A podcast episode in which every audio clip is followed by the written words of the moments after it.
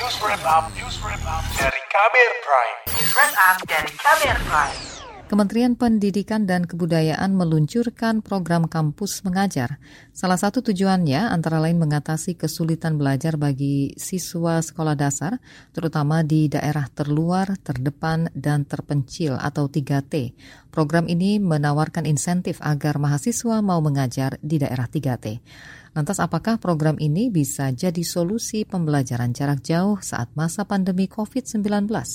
Berikut laporan khas KBR bersama Dwi Renjani. Pembelajaran di tengah pandemi virus corona terkendala, terutama bagi siswa yang ada di daerah pelosok. Akses belajar mengajar saat ini fokus dilakukan secara daring atau online.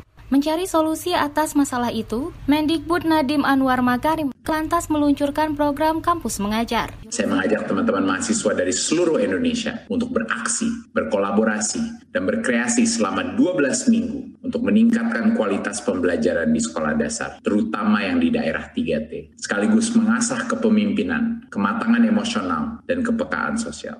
Kemendikbud dan Lembaga Pengelola Dana Pendidikan LPDP bahkan akan memberikan bantuan uang kuliah hingga 2,4 juta rupiah dan biaya hidup 700 ribu rupiah per bulan bagi mahasiswa yang mengikuti program kampus mengajar. Direktur Jenderal Pendidikan Tinggi Kemendikbud Nizam menyebut, selain bantuan uang kuliah, masa pengajaran juga akan dikonfigurasi dengan jumlah SKS selama satu semester. Selama mahasiswa mengikuti program ini, itu disetarakan dengan SKS. Jadi eh, kegiatan ini nanti kira-kira dia akan mengajar kira-kira 6 jam per hari. Dan kalau itu kita ekivalensikan dengan beban kuliah itu akan setara dengan 12 SKS serta uang kuliahnya dibayar dari LPDP tidak bantuan uang kuliah bagi adik-adik yang mengikuti program ini namun, program belum tersosialisasi dengan baik. Banyak tenaga pengajar, terutama di daerah, belum mengetahui ada program kampus mengajar dari Kementerian Pendidikan. Salah satunya, Dina, pengajar dari SD Muhammadiyah Pangkal Pinang, Bangka Belitung itu bahkan baru mengetahui program ini saat hendak diwawancara. Baru dengar sih baru hari ini, jadi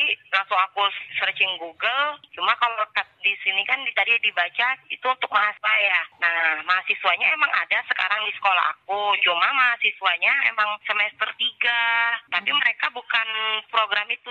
Selain Dina, salah seorang wali kelas di SD swasta di Kota Bandung, Jawa Barat, Fitria, juga belum mengetahui program kampus mengajar itu.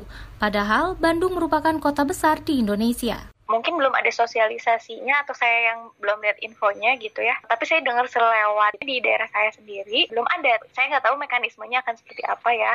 Meski belum mengetahui, Fitria meminta agar mahasiswa yang akan mengajar siswa sekolah dasar ini nantinya harus menguatkan pendekatan kepada siswa, karena mengajar siswa SD tidaklah mudah. Sebenarnya itu ada positif, ada negatifnya. Mahasiswa-mahasiswa ini apakah mumpuni untuk mengajar anak-anak SD? Jangan salah loh, mengajar SD nggak semudah itu gitu kan. Justru yang ditanemin ke mereka itu adalah konsep dasar, justru itu yang harus dikuatin. Tapi mungkin pemerintah kayaknya butuh mengkaji ulang ya. Sebenarnya bagus-bagus aja sih. Kalau kalau basic maksudnya kalau background latar belakang dia mau pendidikan atau bukan sebetulnya sih tidak jadi masalah asalkan mereka-mereka ini emang sudah dibekali. Kan ilmu pedagogis ya maksudnya ada pendekatan-pendekatan tertentu lah kalau mau ngajarin anak-anak apalagi anak SD Sementara itu, mahasiswa jurusan Ilmu Komunikasi dari Universitas Pasundan Bandung, Jawa Barat, Muhammad Rizaldi Nugraha mengaku mengetahui program kampus mengajar dari Kemendikbud ini ada sih sosialisasinya. Karena kan baru di launching sama Kemendikbud juga kemarin kan. Yang aku baca-baca sih kampus mengajar tuh kayak program dari kampus Merdeka kan yang emang dititik fokuskan untuk pengabdian mengajar dalam konteksnya tuh ke sekolah dasar kan ya. Kalau ngelihat syarat-syaratnya sih pengen nyoba sih. Kayak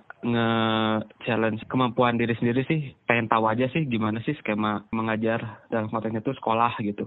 Sementara, Jaring Pemantau Pendidikan Indonesia JPPI menilai program kampus mengajar ini menghampurkan anggaran pemerintah dan menciplak dari program yang sudah ada. Koordinator Nasional JPPI Ubaid Matraji mengatakan masih banyak hal di bidang pendidikan dan pembelajaran jarak jauh yang lebih krusial untuk dibenahi dengan anggaran yang ada. Yang paling penting adalah harus fokus pada menurunnya kualitas pendidikan. Nah, salah satu faktor penting kenapa kualitas pendidikan kita menurun itu kan eh, karena situasi eh, PJJ, sementara lingkungan sekolah itu tidak mendukung, gurunya tidak mendukung, kompetensinya pas-pasan, kemudian orang tua juga bagian dari lingkungan sekolah, mereka juga belum dikondisikan untuk mendampingi anak-anak di rumah, kemudian sarana dan prasarana belajar juga belum terpenuhi. Jadi menurut saya harus menyiapkan lingkungan sekolah atau lingkungan pembelajaran yang kondusif gitu ya. Jadi semuanya mendukung. Nah, bagaimana ini bisa dioptimalkan itu yang harus dianggap sesuatu yang penting dan mendesak.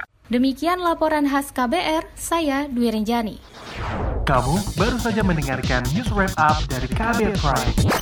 Dengarkan terus kbrprime.id, podcast for curious mind.